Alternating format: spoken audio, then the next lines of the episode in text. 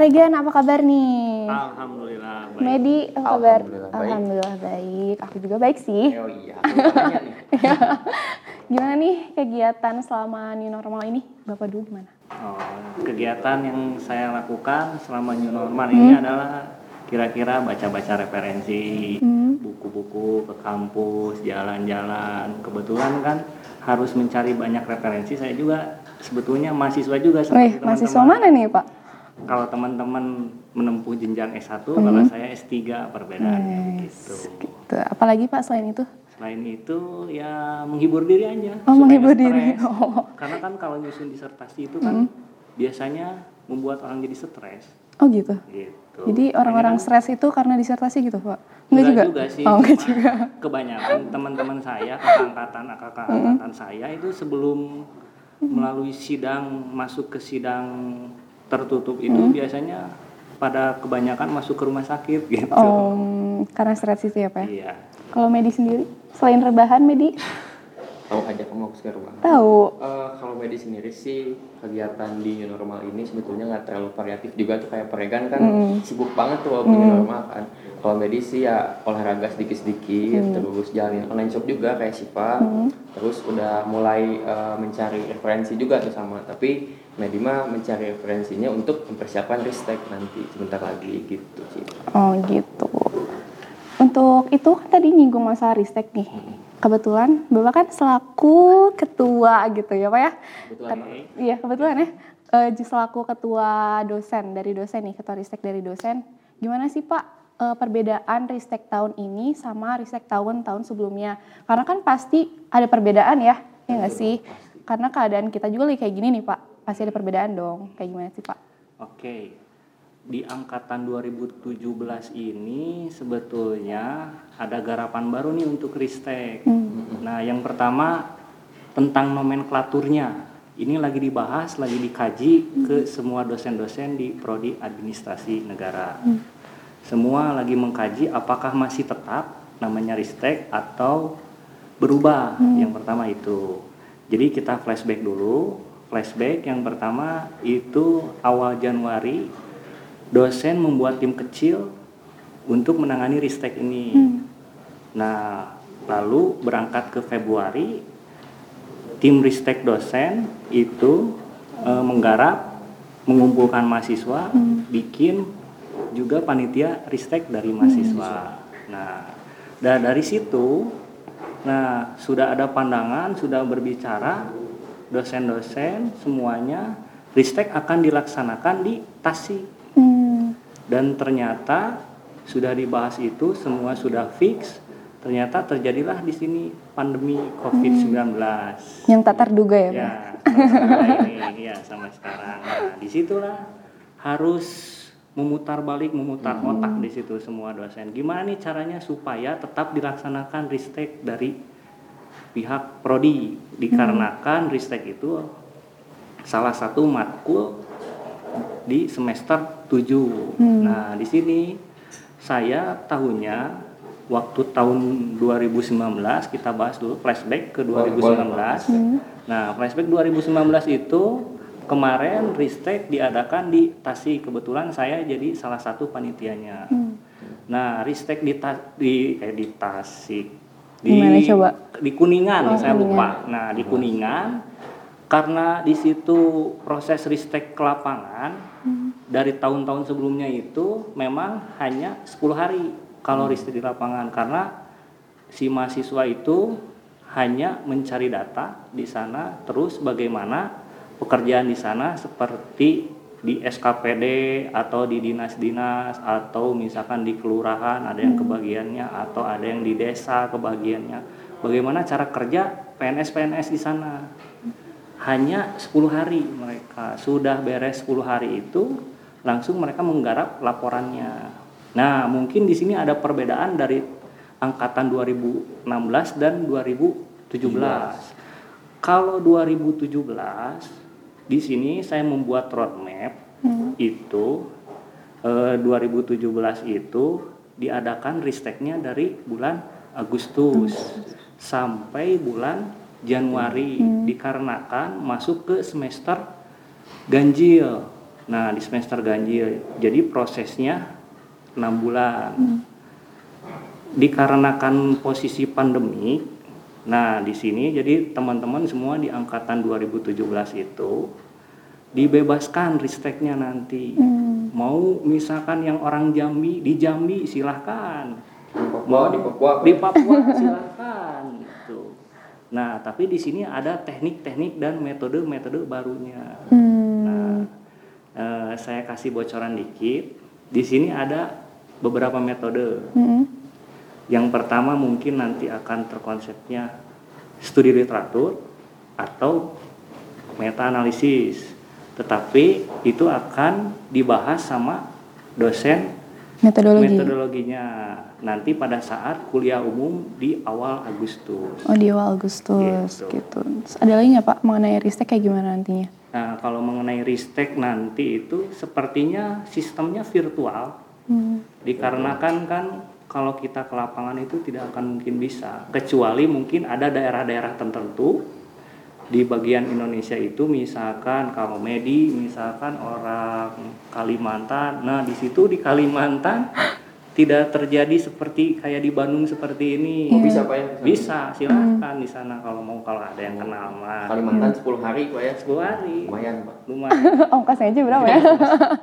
Cuma enaknya pada ristek yang tahun ini itu, jadi apabila mahasiswa tidak siap, belum siap akan melakukan kegiatan ristek di bulan Agustus, bisa di September misalkan. Yang penting pada saat bulan Januari itu mereka su- sudah semuanya Semua selesai. sidang sidang riset itu, sidang laporan itu. Hmm. Nah, begitu.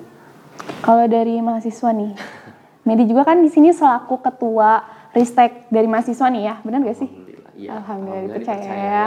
Dia manahi ya. Semoga manah ya Pak ya. Gimana sih ada tantangan gak sih selama penyusunan mungkin kemarin-kemarin dari prosesnya gimana gitu? Eh, kalau tantangan tersendiri sih buat media eh, khususnya dan teman-teman panitia lain juga lebih ke arah karena ada perubahan sistem ristek itu sendiri. Tadi kan sudah dijelaskan sama Pak Regan bahwa awalnya kan kita sebut ristek offline gitu ya. Kita langsung ke daerah tertentu satu angkatan ke sana, tapi karena pandemi COVID-19 yang berkepanjangan ini, jadi kita harus eh, merubah sistemnya gitu. Dan juga tantangan di komunikasi. Pada saat COVID-19 ini kan kita sulit berkomunikasi langsung kan ya. Walaupun masih bisa eh, komunikasi virtual via Zoom atau Google Meet tapi feel-nya itu kurang gitu. Iya. makanya itu yang pertama eh, tantangannya. Kemudian eh, Medi throwback sedikit ya flashback dari Boleh, boleh, boleh. Eh, emang tadi eh, pembentukan panitia mahasiswa itu di Februari akhir kan ya.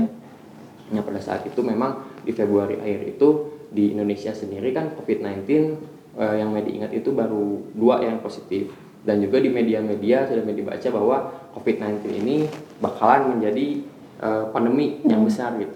Nah, di sana Medi dan teman-teman agak bingung nih ini uh, COVID-19 apakah bakal selesai sebelum ristek ataukah bagaimana? Tapi di sini kita uh, Medi dan teman-teman optimis. Makanya uh, kita teruskan aja persiapan nih mulai dari divisi logistik uh, konsumsi pupdok acara dan lain sebagainya itu disiapkan. Bahkan teman-teman juga sudah menyiapkan anggarannya bayang-bayangnya gitu. Nanti pelaksanaan seperti apa. Iya.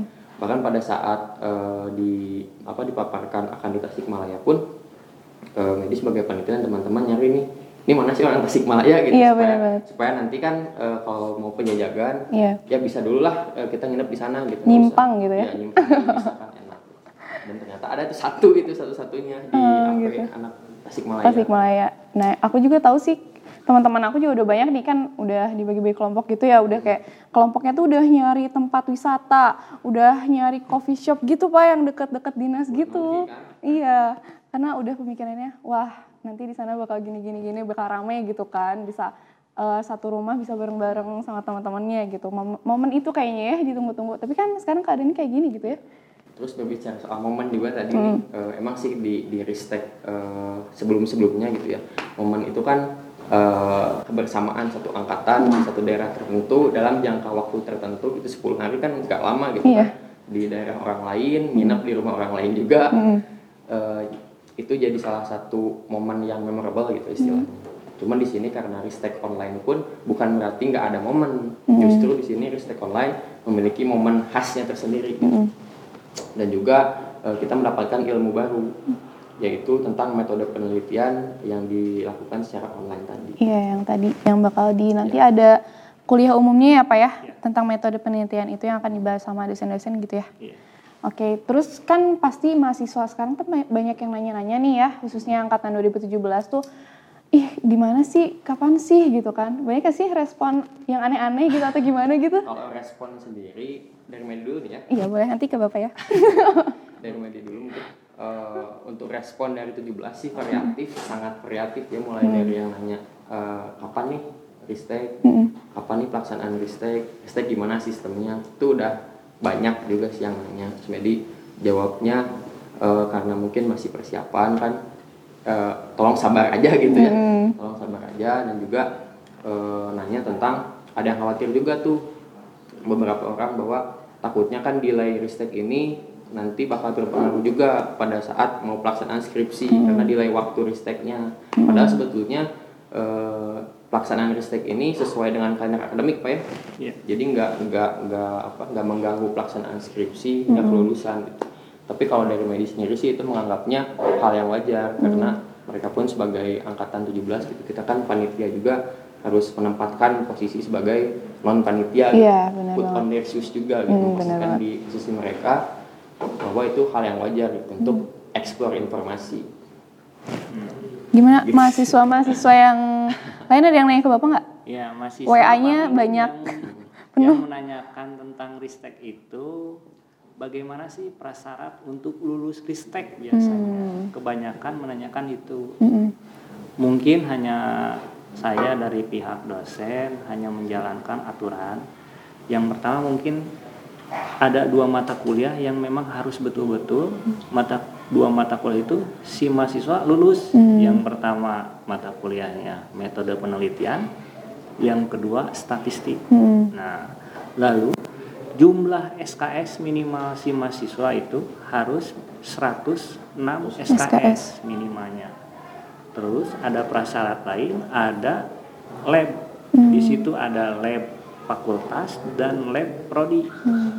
Nah, di sini di lab fakultas otomatis ada beberapa lab fakultas. Di sini kebetulan eh, angkatan 2017 itu mengambil lab TIK, Teknologi Informasi Komunikasi, lab TOEFL, lab bahasa Inggris itu lab fakultasnya. Nah, ini yang harus ditempuh sama mahasiswa dan ini harus sudah pernah diambil di tiga lab ini. Lalu ada lab prodi.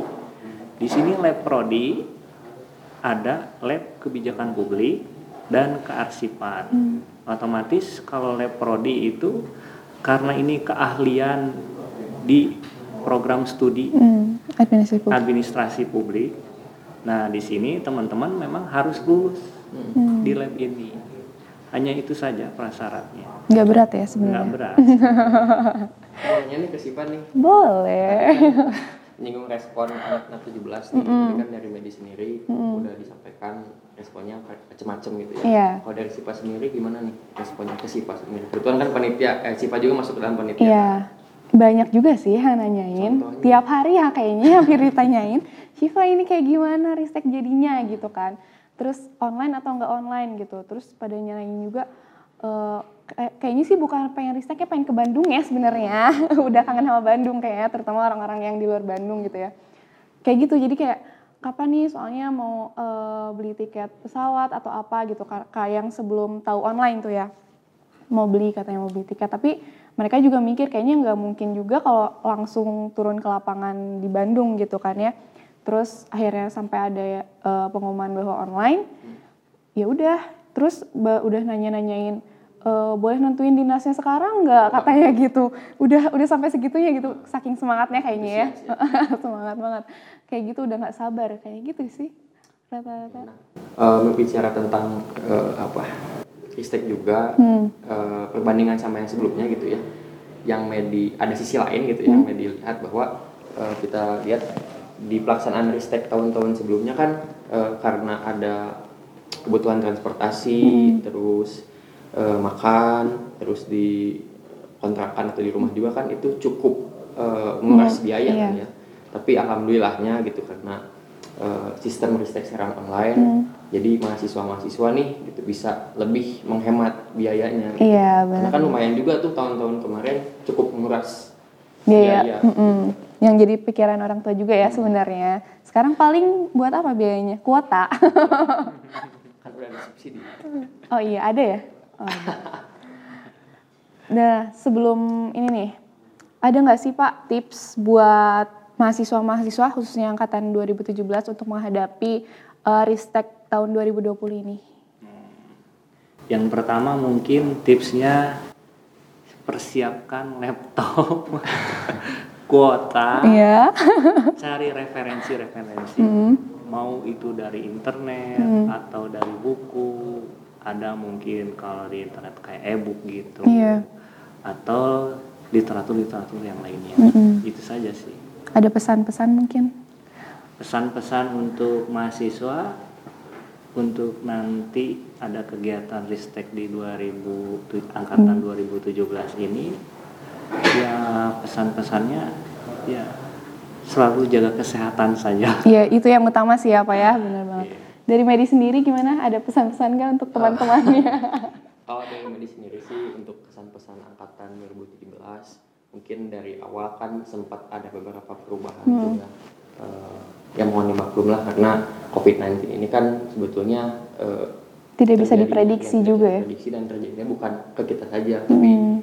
global lah gitu. Iya. Maka eh, mohon dimaklumi gitu. Untuk pesan yang lainnya mungkin dipersiapkan aja dari sekarang tuh untuk eh, komunikasi ke dinas-dinas eh, dan juga mem- apa memperluas relasinya. Jadi supaya nanti pada saat mau ambil data tuh udah punya relasi di dinas lebih mudah gitu. Iya benar banget. Oke, tadi kan kita udah bahas yang perbedaan dari Ristek tahun sebelumnya sama yang sekarang nih. Nah untuk pembagian kelompoknya itu sendiri gimana sih? Nah, untuk pembagian kelompok, eh, Medi dan panitia lainnya eh, membuat kesepakatan dulu nih eh, untuk pembagian kelompoknya apakah ditentukan atau dibebaskan. Kita ngasih eh, pilihan ke teman-teman angkatan dua pilihan itu. Dan pada saat eh, pemilihan itu sistemnya voting. Jadi tiap kelas eh, di voting oleh KM-nya di line voting dan akhirnya keluar bahwa eh, anak-anak milihnya dibebaskan. Hmm, gitu. Gitu. Nah kan yang kita tahu kalau misalkan dulu nih apa ya, eh, kalau satu kelompok itu kan ditempatkan di satu dinas di kota tertentu atau di kabupaten tertentu. Nah kalau sekarang gimana Pak? Dengan kondisi yang kan sekarang ada pasti ada yang di Bandung, ada yang di luar Bandung juga gitu, bahkan ada yang di luar pulau juga gitu Pak. Nah itu gimana Pak? Nah, ini untuk kelompok nanti teman-teman semua misalkan nanti sudah diposting, dilihat sama teman-teman pada kuliah umum, oh ternyata misalkan seperti si Sipa nih. Hmm. Ada di kelompok dosen si A. Nah, Sipa kebetulan posisinya di Bandung. Sipa satu kelompok dengan Medi. Nah, Medi posisinya di Jakarta misalkan. Nah, tinggal koordinasi saja dengan Dosen pembimbingnya dosen itu. pembimbing Hmm. masing-masing gitu. Mau di mana penelitiannya tentang apa koordinasi, koordinasi saja dengan dosen pembimbing masing-masing. Nah, tadi kan sudah dibahas tentang pembagian kelompok nih Pak, sama teknis eh, pelaksanaan penelitian kan di masing-masing daerah tuh. Nah, banyak juga nih teman-teman yang nanya, gimana sih ini untuk eh, perizinan ke dinasnya? Apakah kita harus ke Bandung gitu kan, ataukah online atau bagaimana nih Pak? Jadi teknik perizinan nanti panitia dari dosen akan membuatkan kop suratnya. Oh, kopsurat. Nah, nanti kop suratnya akan dikirimkan melalui ketua-ketua kelompok masing-masing. Jadi nanti tinggal diisi saja. Misalkan nama Medi, NPM berapa, mau di daerah mana tinggal diisi, koordinasi dengan pembimbing masing-masing. Masing-masing. Oke. Begitu. Teman-teman mahasiswa yang akan mengikuti Ristek pada tahun ini, kalian adalah pelaku sejarah dikarenakan Ristek pada tahun ini akan berbeda dengan Ristek yang sebelumnya ataupun Ristek yang akan datang. Jadi teman-teman harus selalu jaga kesehatan dan tetap semangat. Nah, bagi teman-teman nih yang ingin eh, info lanjut mengenai Ristek bisa cek di mana Midi? Eh, informasi update tentang Ristek bisa dicek di Instagram @ristekap_unpas 2020. Ya, dan juga bagi teman-teman yang mau nonton obrolan-obrolan kita pada hari ini bisa dicek di YouTube-nya Fisip Unpas dan jangan lupa like, comment, and subscribe. Dan jangan lupa juga Spotify Visip Unpas.